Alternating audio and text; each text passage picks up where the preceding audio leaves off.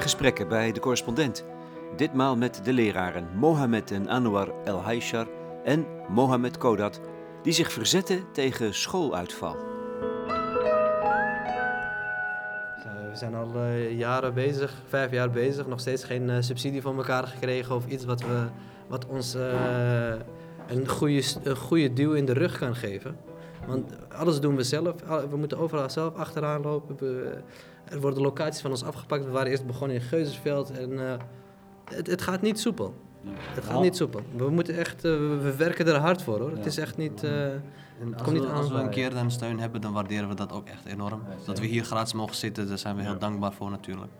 Dus uh, ja, de, de, positieve dingen duwen ons vooruit. En dat een jongen bijvoorbeeld naar me toe komt, uh, meester, vertel me precies wat ik moet doen en ik doe het.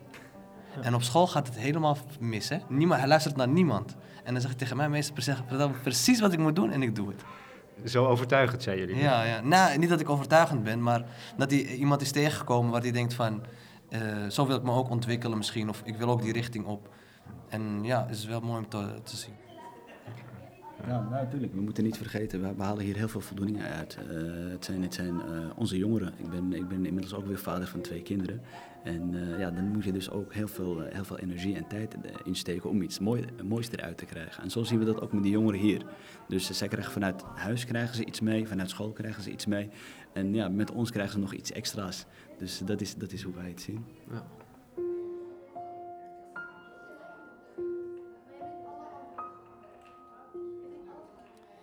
We zitten in Amsterdam Nieuw-West. Het is 7 uur op Sinterklaasavond. De drie mannen zijn net klaar met hun huiswerkklas. Ja, we zitten hier met onze leerlingen en uh, die hebben hun hulp nog steeds nodig. Sinterklaas of geen Sinterklaas, ze kunnen zomaar een toetsmorgen hebben. En uh, ze komen hier even hard aan hun toekomst werken. Hebben ze eigenlijk wel gegeten? Hebben ze geen honger? Uh, we hebben eerst gewerkt. daarna tussendoor ook nog even een wedstrijd voetbal gespeeld tegen leerlingen. En daarna gelijk hier naartoe. Dus nog niet toegekomen aan eten. Maar als we zo meteen thuis zijn, dan uh, ligt er een heerlijk, uh, heerlijk maaltijd op mij te wachten. Mm. Ja. Maar dit is Anwar, normaal voor jullie? Ja, dit doen we al uh, vijf jaar. En twee keer per week. Dus we zijn er inderdaad al aan gewend geraakt. Dit is voor ons normaal. ik vind het ook lastig om niet te komen soms. Ja? Ja, zelfs als ik een keertje ziek ben, denk ik van nou, ik ga toch even langs. Dan gaan die jongens ook komen, dan heb ik genoeg ondersteuning. En dan loop ik toch even langs, kijken hoe het gaat. Waarom is dat zo moeilijk? Ja, die, die, kinderen rekenen op je. Ze, ze komen eh, woensdag echt uh, voor bepaalde personen. We hebben ook een rooster, dus op woensdag komen die en die en op zondag komen andere docenten. Dus als ik op mijn dag niet kom, dan weet ik dat kinderen daarvan gaan balen. Want die hebben dan net een natuurkundevraag, want ik geef natuurkunde. En dan kunnen ze dat niet uh, aan bijvoorbeeld meneer Kodat vragen, want dat is een economiedocent. Dus ik probeer toch wel. Mohamed Kodat Mohamed El Haishar en zijn broer Anwar. Alle drie geven ze les op het Kalland College iets verderop. Anwar is de jongste. Hij studeerde technische aardwetenschappen aan de TU in Delft met een minor educatie. Nu geeft hij natuurkunde. Ik zeg, nou daar begrijp ik nou niet veel van. Nee, heel veel niet. Ik ook soms niet hoor. ja, natuurkunde is, uh, vind ik, uh, heel dichtbij de mensen. Omdat het echt om zaken gaat om je heen. Uh, waarom valt een appel van de boom? Of uh, waarom staan wij stil op de grond? Of uh, ja, waarom zweven we wel op maan? Dat zijn vraagstukken die kinderen heel veel bezighouden. En dat vind ik leuk om met hun dan naar het antwoord te zoeken. Ja. Want eigenlijk is ook alles natuurkunde, zou je kunnen zeggen. Ja, ja alles om ons heen heeft wel met natuurkunde te maken. Zijn broer Mohammed deed natuur en techniek op het VWO. Toen hij de lerarenopleiding ging doen, kon hij kiezen: wiskunde, natuurkunde of scheikunde. Het werd wiskunde, omdat hij daar gewoon het beste in was. Ja, ik vind het zelf, omdat wiskunde is voor mij elke keer een, uh, ja, net zoals voor de kinderen van nu, een videogame. Je wilt het uitspelen en elke keer uh, als je zo dus een, uh, een, een opdracht hebt of een, een, een probleem, of een, dus, dan is het gewoon elke keer een puzzel en dan wil je, het uit, wil je eruit komen.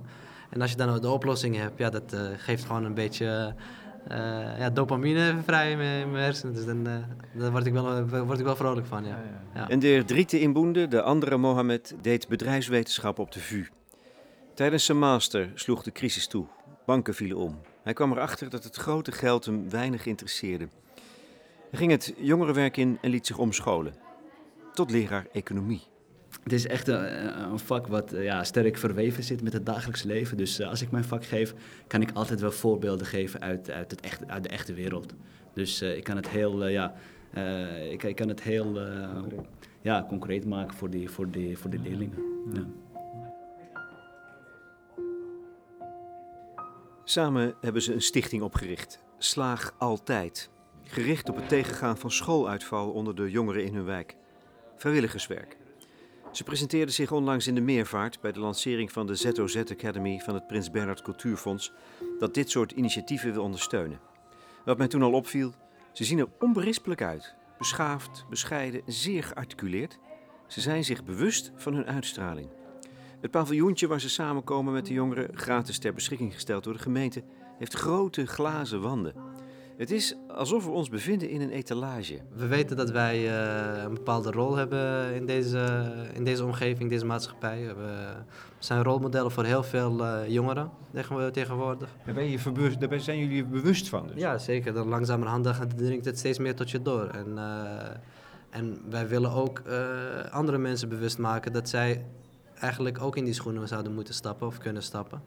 En uh, dat ze die verantwoordelijkheid moeten nemen om zich ook een beetje uh, te laten zien aan die kinderen. Dat ze niet alleen maar de verkeerde rolmodellen te zien krijgen, maar ook de, de goede rolmodellen. En is, dat, is dat een last dan? Of, hoe, het is een keuze dus, begrijp ik? Hè? Je, je... Het is een, uh, meer een bewustwording. En ik denk dat iedereen het wel leuk ja, iedereen vindt het leuk om dingen aan de anderen te leren. Niemand die, die zou het vervelend vinden om iemand een stukje wijzer te maken of een stukje daar profiteer je de rest van je leven van. Ik bedoel, uh, Jij als leraar bedoel je? Leraar, zo'n kind vergeet dat nooit. Jij, jouw gevoel, als je dat elke keer opnieuw doet, dat, daar, dat, daar krijg je geen genoeg van. Ik, bedoel, ik heb nooit een, leerling gehad, ja, ik heb hem nu dat geleerd, hè, hè eindelijk. Uh, nee, nu ben, ja. nee, dat, dat, dat, dat, is ook weer een, uh, een puzzelstuk die je hebt opgelost. Dus daar word je ook blij van. Ja, is dat zo? Ben jij ook zo aan het woord? Ja, zeker. Ik uh, ben heel erg bewust van een rolmodelfunctie uh, hier in de wijk. Dus het je laat zien het positieve, het goede. Wat ja. is dat, hè? Ja, precies. En ik laat ook duidelijk zien dat het niet aan leeftijd gekoppeld is. Een jongen van 15 kan ook een rolmodel, rolmodel zijn voor een jongen van 12. En wat Mohammed dus net zegt, we willen die bewustwording bij iedereen omhoog krijgen. Dat iedereen een rolmodel kan zijn. Dus wees bewust met wie, bij wie je uh, op straat loopt of wie om, naar je kijkt. En wees dan ook een rolmodel voor diegene, want diegene heeft het misschien net nodig om die stap te maken. Daarmee zijn we ook hier actief in onze stichting. Um, de kinderen die hier komen, we beginnen om vier uur, daar komt een uh, groep basisschoolleerlingen, vanaf groep 7 komen binnen. En die werken eerst een uurtje uh, met alleen basisschoolleerlingen. En om vijf uur zijn de middelbare scholieren welkom. En dan laten we ze ook zien dat ze rolmodellen zijn voor die basisscholieren.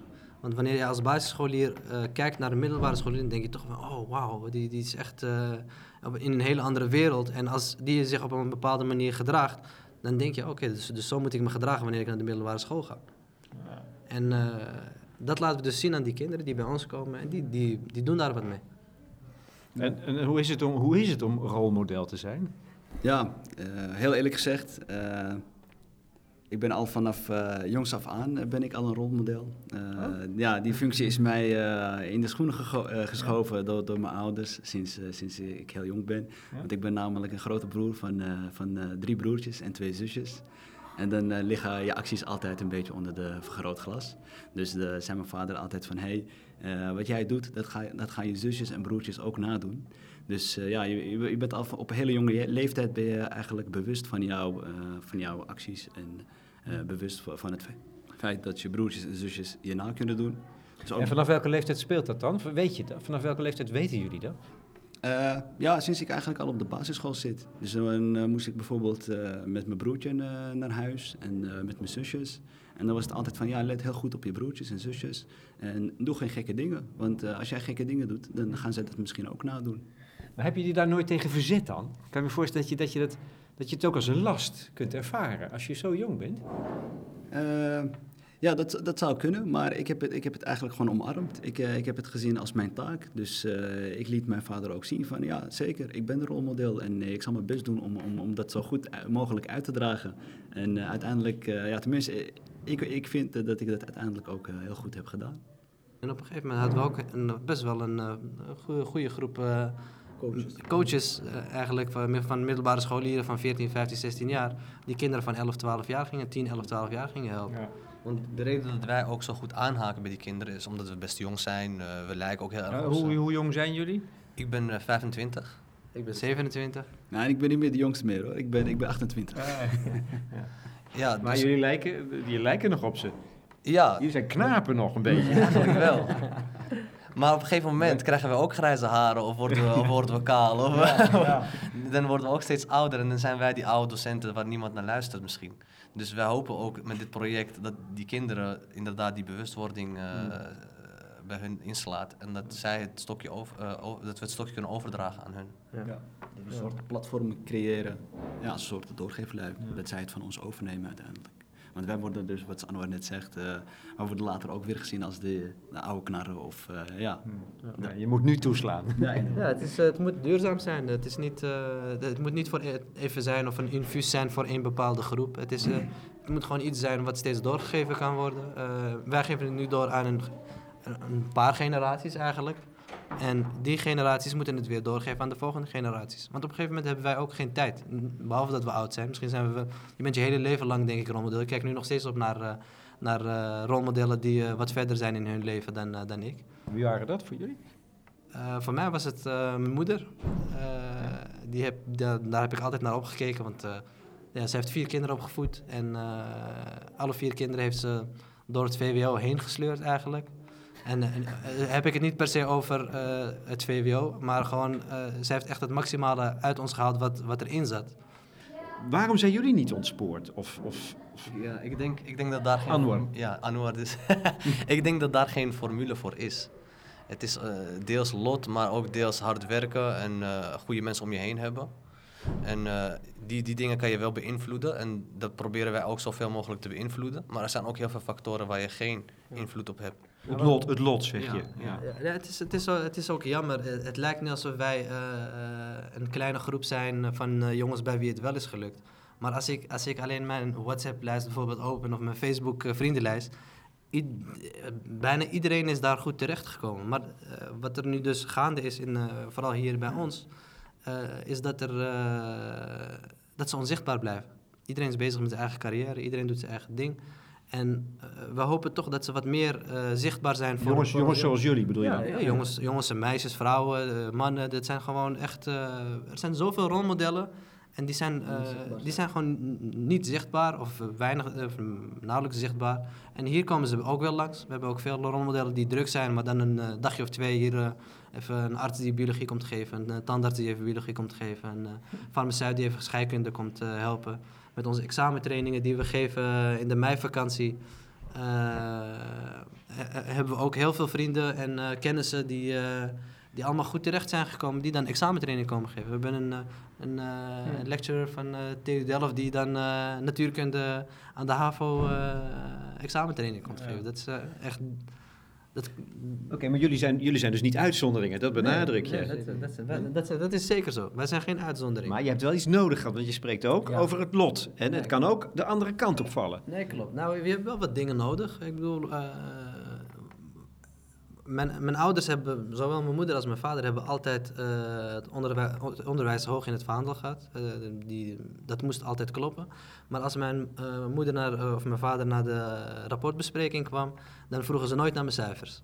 Dan was het altijd hoe is zijn gedrag. Want ze waren van mening van als hij zich gedraagt en hij doet zijn dingen in de les, dan gaan zijn cijfers waarschijnlijk ook goed. Tenminste, Dan had in ieder geval het maximale eruit. precies. Dus de cijfers waren niet altijd het belangrijkste wat mijn ouders vonden, maar ze vonden vooral ons gedrag belangrijk. En daaruit komt dan wel het beste wat eh, bij jou past. Interessant. Dat is ook mooi, die omkering. Hè? Ja, en zo, zo was het bij mijn ouders. Ja, je had ook ouders. Wat, eh, wat deden jouw ouders zelf?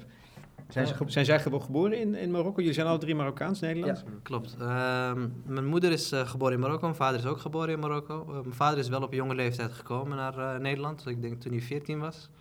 En eh, die heeft toen de MAVO gedaan en eh, heeft daarna altijd gewoon gewerkt, verschillende banen gehad. En eh, is de afgelopen 20 jaar denk ik nu slager. En eh, mijn moeder die is eh, op haar negentiende gekomen naar Nederland en eh, die heeft het mbo niet heel lang geleden pas gedaan. Ik denk tien jaar geleden of zo. Heeft ze mbo voedingsassistenten gedaan en helpende. En, En toen was ze al moeder ook. Dus was ja, toen had ze die andere drie kinderen al door het VWO heen gesleept. Ja, ja. Nou, het, er waren, eh, ik, was er al, ik was er doorheen, maar mijn broertje en zusjes nog niet. En eh, toen deed ze ook haar opleiding en ehm, die heeft ze afgerond. Ja. Is, en is daarna gaan werken bij het uh, Slotervaartziekenhuis. Oh jee, En, eh, dat is Dus ze dus staat wel- nu thuis, ze zit nu thuis? Ja, klopt. Ach, Ja, dus, eh, Toevallig moet ik haar eh, morgen weer eh, brengen naar een ander ziekenhuis. Daar gaat ze waarschijnlijk een weer aan de, meeloopdagje. ja, Ja. weer beginnen. In Amstelveen, ja. Ja, maar onderwijs dus als echt een route om je te ontwikkelen en Ja. kansen te krijgen. Dat, is dan, dat krijg je ook, hè, dat is, krijgen jullie dan ook voorgeschoten altijd? Nee, zeker weten. Want eh, het was gewoon een feit dat er gewoon weinig mensen in, eh, in onze gemeenschap eh, eh, hoog opgeleid waren of opgeleid waren überhaupt. En eh, dat, was, dat is ook belangrijk om eh, een goed netwerk te creëren, go- eh, goede dingen te ontdekken. Want heel veel beroepen waren voor ons ook nog onbekend. Je, je, je weet helemaal niet wat je kan worden. Als je begrijpt wat ik bedoel. Het is- je hebt helemaal geen, geen beeld van eh, waar kan, waar, hoe kan ik mijn route uitstippelen. Je hebt een beperkt aantal routes, advocaat, dokter, eh, de dingen die je op tv ziet. En daaromheen is zoveel meer. Kijk naar Anwar bijvoorbeeld, die heeft nu technische aardwetenschappen gedaan. Die kan eh, straks olie uit de grond gaan pompen ergens in het Midden-Oosten of waar dan ook in de zee. En nee, dat, aan zulke beroepen denk je helemaal niet. Mijn zusjes die studeren biofarmaceutische wetenschappen. Ik bedoel, er nooit van gehoord. Dus je moet die blik blijven verruimen. Ja, je moet echt een onderzoekende houding creëren bij, bij onze jongeren. Dat, dat, is echt, eh, dat is echt belangrijk. Dat leer je nu ook op de opleidingen volgens mij van de docenten. Dat je echt met een onderzoekende houding als docent ook onder, een onderzoekende houding aan de leerlingen moet meegeven. Nog even om dat beeld helder te hebben. Jouw ouders, Mohammed, wat deden die? Ja, mijn ouders die zijn ook eh, geboren dus in Marokko en he- op hele jonge leeftijd hier naartoe gekomen.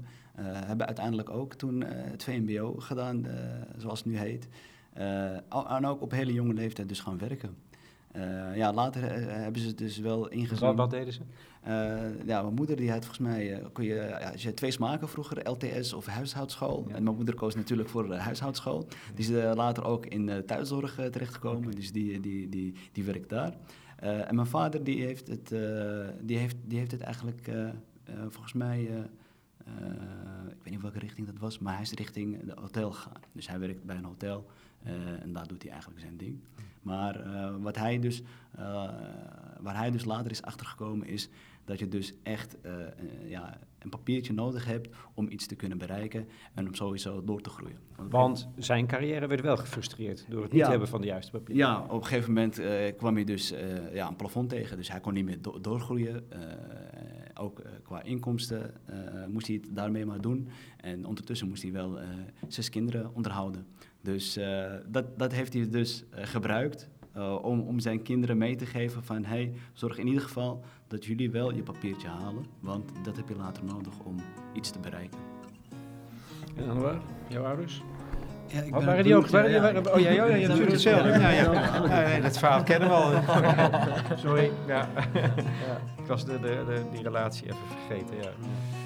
Um, aangenaam kennis te maken, je kent de naam wel. Bekend als de keizer en vroeger was het Roussel. Of Rosje, rap het op een schoolplein, vaak op de gang tijdens de les. En mama vond het nooit fijn, zakte van VWO lager naar HAVO. Door mijn gedrag, ik was een last, pakken, skipte school. En mama zei me zoek een baan, maar het was moeilijk om te solliciteren zonder diploma bij mijn naam. Dus week ik van mijn pad en deed andere shit. En mama wist het wel, maar deed alsof ze wist van niks. Maar gaf me seintjes en zei let op je daden. Maar ik was een koppige jongen, woorden konden me never raken. Dus bleef ik hangen met de boeven, Nou, we kwamen er dus achter dat ons- onze schooluitval hier in Amsterdam, Nieuw-West, best wel hoog lag ten opzichte van de rest van Amsterdam. En eh, nou, wij wisten niet wat daar de reden voor was. Ehm, we, we gingen met die jongeren in gesprek, we nodigden ze uit, we hadden een, eh, een praat. Je zag ze gewoon verdwijnen uit school, uit je, uit je klasse. Nee, onze gemeente maakt, eh, maakt rapporten. En af en toe zijn wij wel zo, ja, zo autistisch om dat, te, om dat te doen. En dan kijken we, kijken we echt naar, eh, naar hoe onze wijk ervoor staat. Dat vinden we gewoon leuk om te zien. Ja, ja, En maar toen- ook trots, denk ik, toch? Ja, nee, Of- zeker. Nee, wij zijn trots op Nieuw-West. Het is de mooiste wijk van Amsterdam. En eh, we, we willen gewoon het beste voor onze wijk. En toen hadden we dat gezien. En dat vonden we niet leuk om te zien. En daar gingen we wat mee doen. En Ja, toen we, toen we met de jongeren in gesprek waren, zagen we dat er een, eh, een dieper probleem lag. Eh, onze jongeren die vertrouwden eigenlijk gewoon de maatschappij niet. Ze hadden gewoon moeite om, de ma- om, om aan te haken aan de maatschappij. Ik bedoel, eh, Maar Mohammed, zijn dat dan de jongeren die wel bij jou in de klas zaten? Bij jullie in de klas zaten? Want wel, welke jongeren spreek je dan aan? dit zijn van alle soorten en maten. Ik heb het nu over eh, VMBO'ers, HAVO'ers, VWO'ers, eh achtergrond, Marokkaanse achtergrond of Turks achtergrond. Eh, het maakte eigenlijk niet uit eh, wie we spraken, maar in de omgeving waren de jongeren heel erg negatief over eh, de overheid en overheidsinstellingen. En ze vertrouwden het gewoon niet. Iedereen had het slecht voor hun over. Ja, het was eh, de dokter, de, de school, de gemeente. Iedereen was, dat was één, één grote slechterik. En ik vertrouw niemand. En that's it. En toen kwam er later een ander rapport uit van de gemeente. En toen zagen we dat, eh, dat de ja, sociaal, eh, sociale en psychische problemen bij onze eh, jongeren hier in Nieuw-West veel hoger lagen ten opzichte van de rest van Amsterdam. Maar dat de hulp die wordt gebruikt en gevraagd vanuit de jongeren veel lager ligt dan de rest van Amsterdam. Dus dat is een beetje krom. Je hebt meer problemen, maar je vraagt minder hulp. Anders is het niet vertrouwen, maar bij ons was het bomvol. En, eh, Dus een soort betonnen rot in het vertrouwen in de samenleving. Ja. Dat is dus waar, waar wij zagen waar wij een rol in konden spelen. Wij zagen dus, deze jongeren komen wel bij ons, ze praten wel met ons over die problemen en ze nemen ook ons advies aan. Dus wij hebben gezegd van, weet je, we, gaan, we moeten iets nu doen met deze, eh, voor deze jongeren, dat, ze met ons, eh, dat we ze kunnen eigenlijk lokken om in gesprek met ons te gaan. En toen hebben we gezegd, wat heeft iedereen gemeen? Iedereen heeft, een, hu- heeft huiswerk. Dus wij hebben een huiswerkklasje toen, gewoon, eh, toen opgericht. En eh, dat begon bij eh, ja, 7, 8 leerlingen. Ja, je kon ze op eh, twee handen tellen. En dat werden er opeens uiteindelijk 500, 600 per jaar. En, en al die leerlingen die komen praten. Echt zoveel? Ja, echt zoveel. Ja. Tot een half jaar geleden, toen gingen we een eigen bijdrage vragen aan de leerlingen. Tot, tot een half jaar geleden was het gratis. Geen subsidie van de gemeente, helemaal niks. Alles zelf moeten doen. Allemaal vrijwilligers moeten ro- ronselen. Om, eh, om ons te helpen om eh, dit, te doen, dit van elkaar te krijgen. Eh, echt een gesprek ga- aangaan met die kinderen. En, en laten zien dat het anders kan. Ik bedoel, we hebben vrienden van ons uitgenodigd. ja, dit en dat. En wat doe je nu allemaal? Ja, ik doe nu een VMBO'er die dan, die dan eh, het, eh, het niet eh, rooskleurig ziet. En hij ziet eh, er komt een jongen, komt even helpen met zijn, met zijn natuurkundeprobleempje van, van 2 VMBO. En die zegt van, oké, maar waar- je kan ook automonteur worden.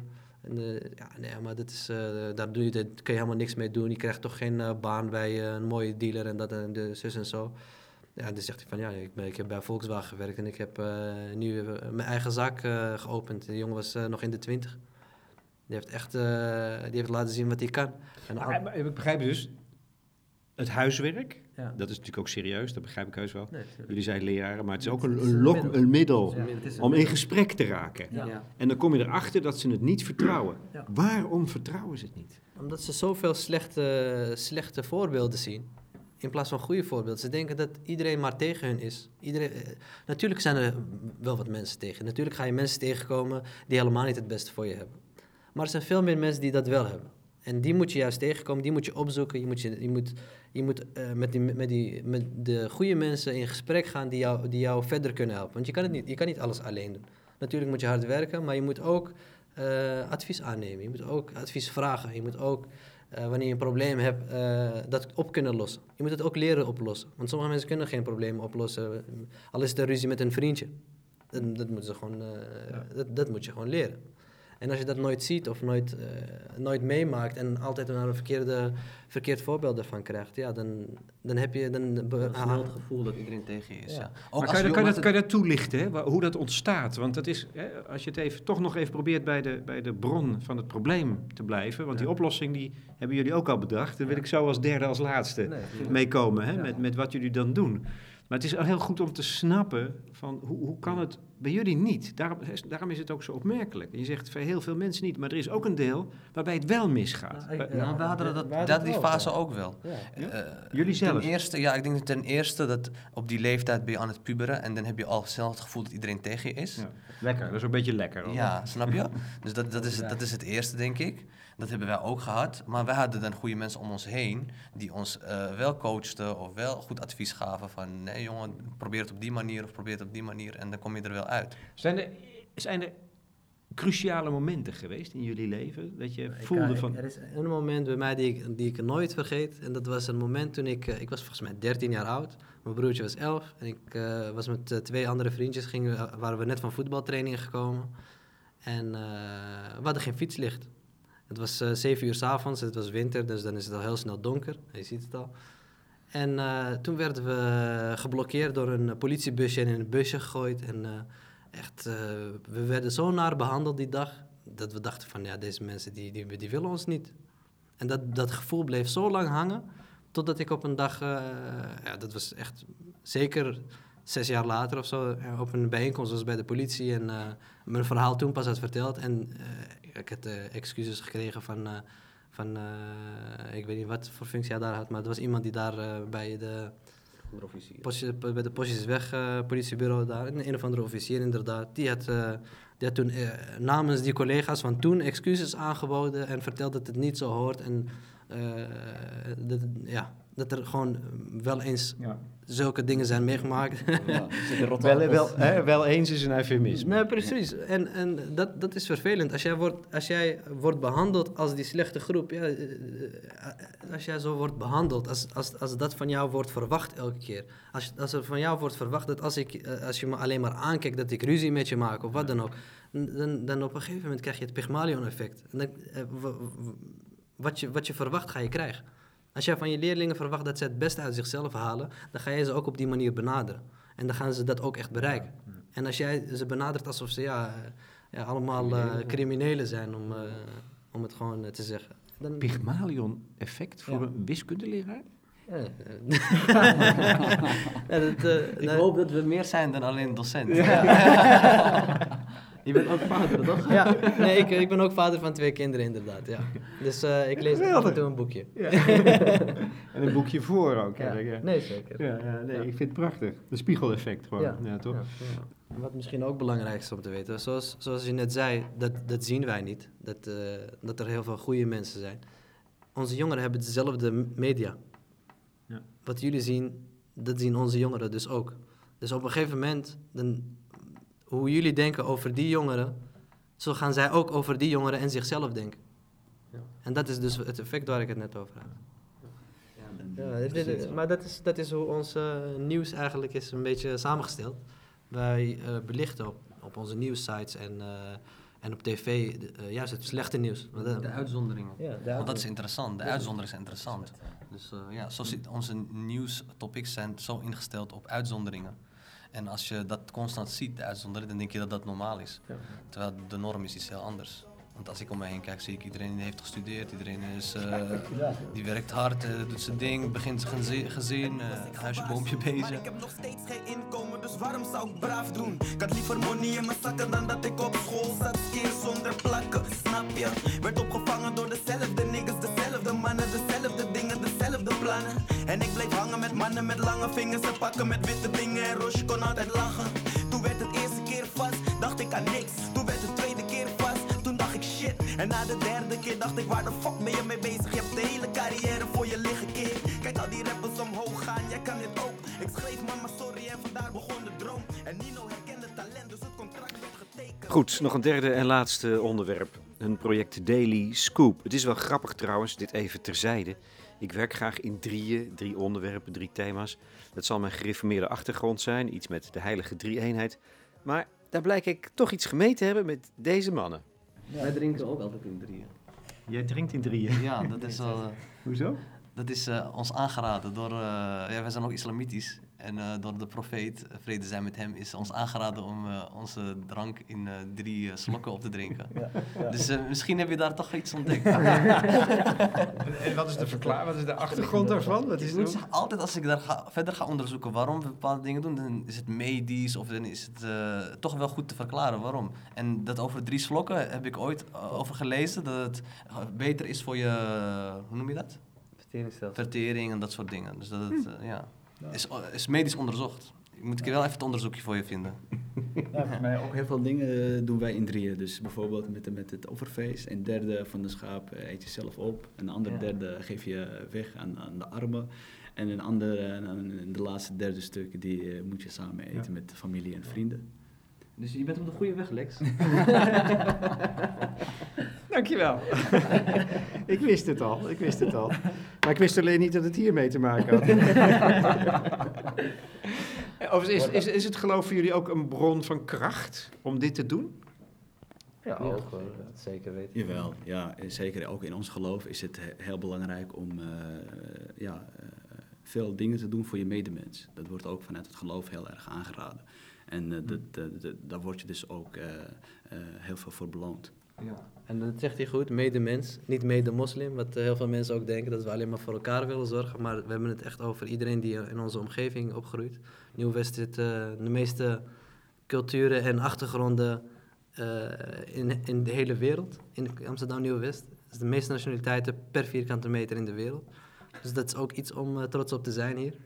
En, eh, nou, En, en daar voel je je ook verbonden mee. Nee, zeker, zeker, zeker. Dit is echt een wijk waar, je, waar het niet uitmaakt waar je vandaan komt. Want dat is ook een beeld hè, van mensen die niet...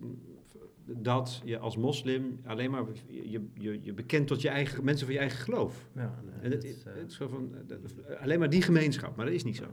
Nee, dat is niet zo.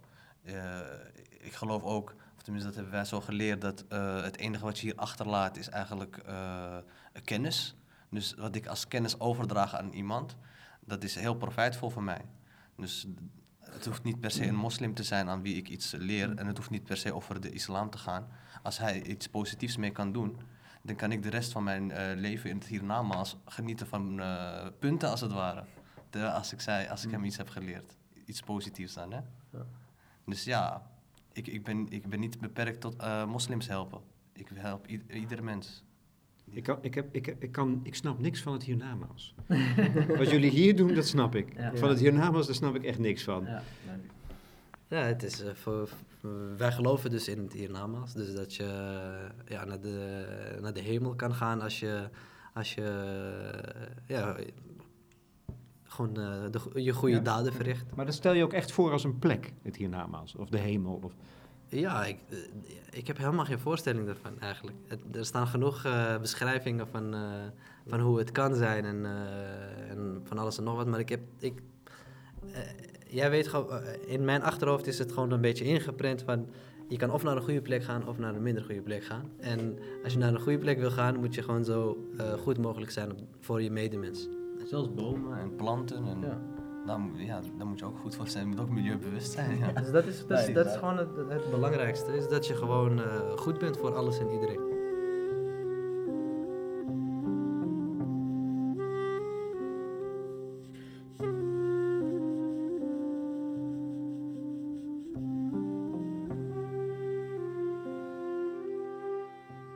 Bijles is een middel eh, om ze bij elkaar te krijgen. En dan hebben we verschillende projecten waarin wij de kinderen willen ontwikkelen. Denk aan karakterontwikkeling, talentontwikkeling, eh, zelfredzaamheid.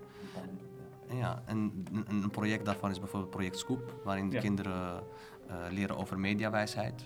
Dat is eh, vier bijeenkomsten waarin ze spelletjes doen. Wat is echt nieuws, wat is fake nieuws. Waarin ze eh, eh, de redactie van het Parool bezoeken. eh, waarin ze ook nog eens hun eigen krant gaan schrijven. En als laatst eh, maken ze samen een, een mooie krant daarvan. Die hebben wij gepubliceerd. Het eerste, eerste exemplaar is nu eh, ja. eruit. Ja. Die krijg je straks van mij cadeau. In dit gebouw hebben we dus een eh, grote opening eh, gehouden, of een grote afsluiting eigenlijk gehouden van het, eh, van het eerste deel van het project.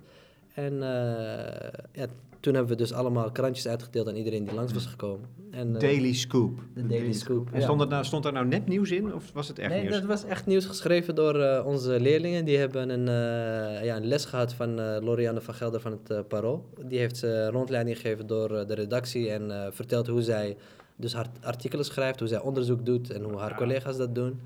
En eh, toen zijn ze gewoon hier in de buurt eh, zijn ze gaan eh, onderzoeken. En eh, ze hebben internet gebruikt natuurlijk en eh, daarmee op onze laptops hier eh Hele mooie artikelen van gemaakt, artikelen ja. En geschreven. wat, wat doet dat met die kids? Nou, het is- het Opent, een hele nieuwe wereld voor Ja, ze. ja. Want eh, ja, tegenwoordig halen ze nieuws overal en nergens vandaan. En vooral met, met, eh, met eh, ja, verschillende, verschillende soorten media. En vooral de sociale media, waar dus eh, ook gevaarlijke berichten op kunnen staan. Gevaarlijk in de zin van dat het dus niet echt is en dat ze dus verkeerde dingen worden aangeleerd. En eh, met zo'n project probeer je ze toch een beetje mediawijs eh, te laten worden en ook nog eens eh, kritisch te laten denken. Van, want ja, je kan wel een nieuwsbericht vinden op, op de sociale media, maar welke stappen kun je daarna ondernemen om toch te kijken of het wel ja, echt nieuws is of fake nieuws? Ja, het zou voor iedereen van belang zijn, zo langzamerhand, toch? Nee, zeker. Vooral in, de, in dit tijdperk waar ja, propaganda van verschillende partijen op sociale media terechtkomt. eh waar het ook gewoon echt stemmingen, eh, presidentstemmingen beïnvloedt. Ja. Dus eh, ja, het, het moet gewoon eigenlijk eh, in het curriculum komen van, van, van scholen, vind ik. En, en, en eh, zie je het effect op die kinderen? Hè? Je hebt het over karakterontwikkeling en talentontwikkeling en ehm, nou ja, mediawijsheid, maar ook zelfredzaamheid. Dat is ook een van jullie eh, dingen die je traint. Maar zie je het gebeuren? Als je zo, dit soort dingen goed, je gaat naar het parool, ze maken hun eigen krant. Ja, ja. Ik heb specifiek een jongen die iets eh, begon te schrijven over eh, kledingmerken, Nike en eh Under Armour. Die is heel groeiend, Under Armour. En die is zo erin gaan duiken, die vond het zo leuk om te schrijven. En die vroeg ook dingen als, ja, als ik iets goed schrijf, kan ik dan ook gescout worden?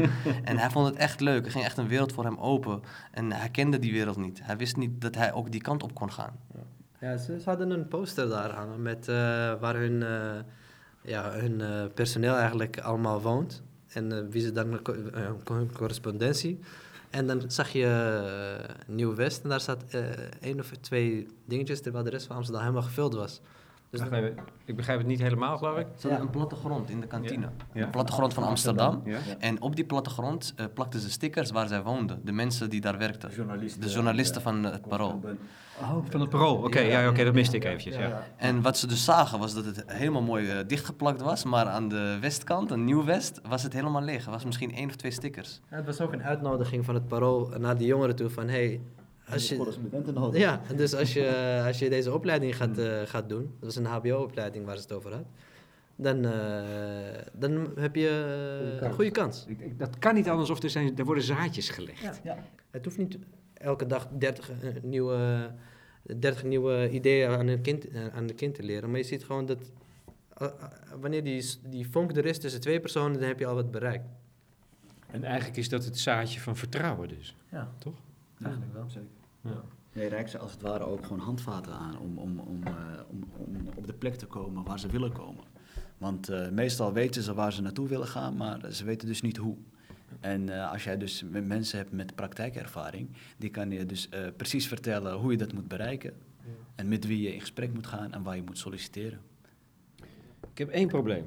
Maar ik heb niet een probleem, maar een vraag. Dat je denkt, wat jullie nu doen, dat is vrijwilligerswerk. Je doet het in je, in je a- avonduren. Waarom is dit niet onderdeel van het curriculum? Waarom gebeurt dit niet op school? Waarom gebeurt dit buitenschool? Nee, ik begrijp het. Ja, Oh nee, nee, ik wil zeggen, dat ligt in de handen van de wetgevende macht. Dus eh, ja, dat, dat is, eh, dat is de, de mensen die, die dus het beleid schrijven, eh, die verkijken zich een beetje op, op het papierwerk. Die moet, ik, ik zou hun een keer willen uitnodigen hier en, willen, en, willen, en willen, ja, willen vragen om met de jongeren in gesprek te gaan. Om echt, om echt erachter te komen wat er nodig is. Want die jongeren die nu naar school gaan, die, die studeren af over tien jaar. En dan, ja, dan staan ze dus voor een hele andere wereld dan nu. En dan moeten ze dus ook hele andere dingen kennen, eh, kunnen dan nu. Dus eh, ja, dat, dat ligt echt aan de, aan de overheid. het Calland Lyceum steunt ons wel. eh, en dat is echt, daar zijn we super dankbaar voor. Eh, dat is ook eigenlijk waar we onderdeel van waar we kracht uit halen. Eh, de directeur van het Calland Lyceum heeft vanaf het begin achter ons gestaan. Eh, die vond het niet erg als wij eh, jongeren gingen werven, ook op het Lyceum. Als we een keertje, Eh, daar de locatie een keer konden gebruiken. En hij is zelf ook aanwezig als we een keer hier een presentatie hebben. Dus die steun hebben we ook. En wat je, dat je zegt dat het onderdeel van eh curriculum moet zijn. Nou, wij geven ook les op het Current Lyceum. En dus die, eh, die, die rol vul je daar ook in als rolmodel. Die gesprekken vul- hebben we Ja. daar ook op die school. Dus het gebeurt ook wel. Maar of het net zo effectief is, is ook maar de vraag. Precies. En eh, wel, dit is Maar buitenschool. We zeggen ook net dat die kinderen heel wantrouwig zijn naar eh, overheidsinstanties. Dus ook naar school toe. Nou, ook naar school toe. Dus als wij daar eh, dezelfde eh, Hmm. vorm op school zouden doen, zouden ze denken, oh, dat zijn die jongens die, eh, van de overheid. Ja. Terwijl hier is het echt ons eigen ding. Nou, het is een andere omgeving. Eh, we zijn ook hier net wat anders bij de leerlingen. We zijn nu niet meer die eh, strenge docent voor de klas. Nou, je grijpt af en toe streng in, nog Nee, steeds. dat, dat moet eh, altijd. Corrigeren hoort erbij. En ook heel amicaal tegelijkertijd, hè? Ja. Ook, ook als een soort vrienden, denk Ja. ik. bijna. Nee, nee, klopt. Het zijn eh, onze broertjes en zusjes. dus, eh neefjes en nichtjes. Zo gaan we met ze om. En eh, ja, die relatie moet gewoon goed met ze blijven. Het zijn kinderen, dat, dat, dat vergeten we soms. En eh, de toekomst eh, li- ligt eh, wijd open voor ze. Maar daar hebben ze wel, hebben ze wel de, de, de zelfvertrouwen voor nodig. En die extra duw in de rug. En daar kunnen ze denk ik heel veel bereiken. En hebben jullie een droom over de dingen die jullie nu... Jullie bouwen een enorme expertise op. En, en, en een praktijk, hè? zo'n daily scoop, dat is gewoon een, een format, zou je kunnen zeggen. Is, dat, is dat niet uit te rollen over heel Nederland? Nou, we zijn al eh, toevallig benaderd door andere steden in Nederland om, eh, om hetzelfde project ook eh, misschien daar te kunnen doen. Ze willen daar met ons over in gesprek gaan. Maar welke Dus, steden zijn dat? Nou, we zijn bijvoorbeeld door Rotterdam van de week benaderd. En nou, het leek ons wel tof om even te kijken hoe en wat. Maar ja, zoals ik zei... Ja, maar dat kan je toch niet in je vrije tijd doen dan? Nee, dan, ja, maar dan moet je het echt profe- professionaliseren. En, maar ja, dat is dus een stap die we misschien moeten maken. Van, van vrijwilligerswerk naar, de, naar echt, de, ja, echt eh, overleven, om het maar zo te zeggen, tussen, tussen de grote partijen. Want hier heb je grote commerciële partijen in Amsterdam... die eigenlijk eh, al het subsidiegeld eh, blokkeren. En om, daarom kunnen we er natuurlijk ook geen gebruik van maken. Omdat wij... Ja, jammer genoeg, omdat wij hebben ge- gekozen voor, de, voor ons middel, het huiswer- de huiswerkbegeleiding, dan val je onder een groep huiswerkbegeleiding. En hoe, vaak we het, Ja, ja. hoe vaak we het ook duidelijk proberen te maken dat wij niet huiswerkbegeleiding vinden, maar iets anders. Het is veel maatschappelijker dan dat. Ja, Ja. ja. Maar jullie innove- innoveren ook nog het onderwijs. Nee, precies. En, en, wat we, en dat wordt niet begrepen. Eh, dat is jammer. Eh, we worden wel gehoord. M- m- ja, we worden wel gehoord. Het wordt niet begrepen. Ze komen wel bij ons langs en zien het verschil. Ja, ze zien onze kwaliteit. Eh, ze zien dat wij iets goeds doen. Maar eh, ik weet niet waarom. Ik weet niet hoe, of het bureaucratisch is of wat dan ook. Maar eh, Niemand komt over de brug. Niemand komt over de brug en niemand, eh, niemand erkent, eh, erkent, wat, ja, erkent in woorden wel. We hebben zoveel mooie verhalen gehoord. Maar niemand eh, ziet in dat wij iets anders zijn dan een huiswerkklas. Zou jullie bereid zijn om die stap te zetten? Eh, ja, uiteraard. Als ik zie wat we hebben bereikt, eh, samen met de groep die we nu hebben, eh, ja, hoe- hoeveel voldoening die je eruit kan halen en eh, wat je die jongeren allemaal leert, dan, dan zou ik daar zeker voor openstaan om, om, om een gokje te wagen, om het, zeg maar, het diepe in te duiken. Uiteraard. En dan heb je steun nodig van misschien wel een aantal steden of een... Of een eh, Ja, een aantal steden, een aantal financierders en natuurlijk professionele hulp. We, Ja. hebben, we hebben ook helemaal niet zoveel nodig. Wij we hebben een locatie nodig en een, een klein potje als het ware. Nu doen we het af en toe met eh barbecue-potjes, noemen we dat. In de wijk kan je af en toe eh, be- bewonersinitiatieven indienen. En daar kunnen we onze vrijwilligers mee eh, betalen. Dus het is, het is niet veel. Dat is ook drie jaar geleden dat we de Dat we die krijgen. Ja, die, die krijgen we ook al lang niet meer. maar goed, maar jij bent, jij bent van de economie. Je hebt toch vast wel een businessplan al achter de hand? Ja, uiteraard. We hebben, we hebben dus een, eh, een, een groot aantal plannen al geschreven en ook ingediend bij verschillende instanties en fondsen. Maar wat Moment dus net heeft uitgelegd, we worden telkens onder, onder de groep huiswerkbegeleiding Ja, ja. eh, geschoven. En dan is het van ja, maar we geven al zoveel geld uit aan, eh, aan instanties die huiswerkbegeleiding geven. Misschien is het toch slim om even met hun samen te werken. Ja. Terwijl, Dus dat- terwijl dat echt huiswerkklassen zijn. En wij hebben echt zo'n dik... Je kan, bijna, kan het bijna een boek noemen over wat wij allemaal doen en wat ons doel is en wat onze resultaten zijn. En, en toch, het lijkt alsof er niet eens doorheen wordt gelezen. En dat is... eh, ja, dat is Ja. gewoon jammer. Dat is jammer. Het is, het, is- het is eh, jammer voor ons omdat wij eh, veel langzamer gaan dan dat we eigenlijk zouden kunnen gaan. Maar het is ook jammer voor de gemeente zelf dat ze, dat ze, dat ze deze kracht niet erkennen en gebruiken. Want eh, we hebben geen reclame, we hebben geen inkomen. En, toch heb je... We hadden hier, toen we, toen, het, toen we echt 0 euro vroegen... hadden we jongens en meisjes zitten hier op de grond. Boven op de grond. Geen stoelen waren op, tafels waren op. En toch kwamen ze hier woensdagavond en zondagmiddag huiswerk maken. Nou, jullie hebben veel kracht en veel idealisme volgens mij. Dus het moet mogelijk zijn. Tot slot, zijn jullie ook goed in voetballen? Jullie hebben net gevoetbald, geloof ik. Ja, we hebben net eh, gevoetbald tegen eh, onze 4 VMBT-klas. En eh, dat doen we eigenlijk wekelijks, want we hebben een tijdje hebben we een pauze gehad. Maar eh, eh, de norm is wekelijks voetballen tegen een klas vanaf de derde klas op het Kalend Lyceum. En wie wint er dan? Nou, we hebben tot nu toe één keer verloren. En eh, de rest hebben we gewonnen. Ja. Vandaag was de de revanche. Tegen de van wie we hadden verloren. Dus, maar helaas eh, kon de partij niet uitgespeeld worden. Oh, Want eh, door Sinterklaas ging de zaal eerder dicht. 1-1. En de stand was toen? Dus het is nog spannend. Het is nog spannend. Maar we kunnen aardig voetballen. We kunnen aardig voetballen. Jongens, ik vind jullie geweldig. Mag ik dat even zeggen? Als het nou gaat over vertrouwen, dan denk ik van, van, nou, van jullie krijg ik weer vertrouwen. Dat is goed om te horen. Ja, Goed om heel fijn om te horen. Dankjewel. Dankjewel.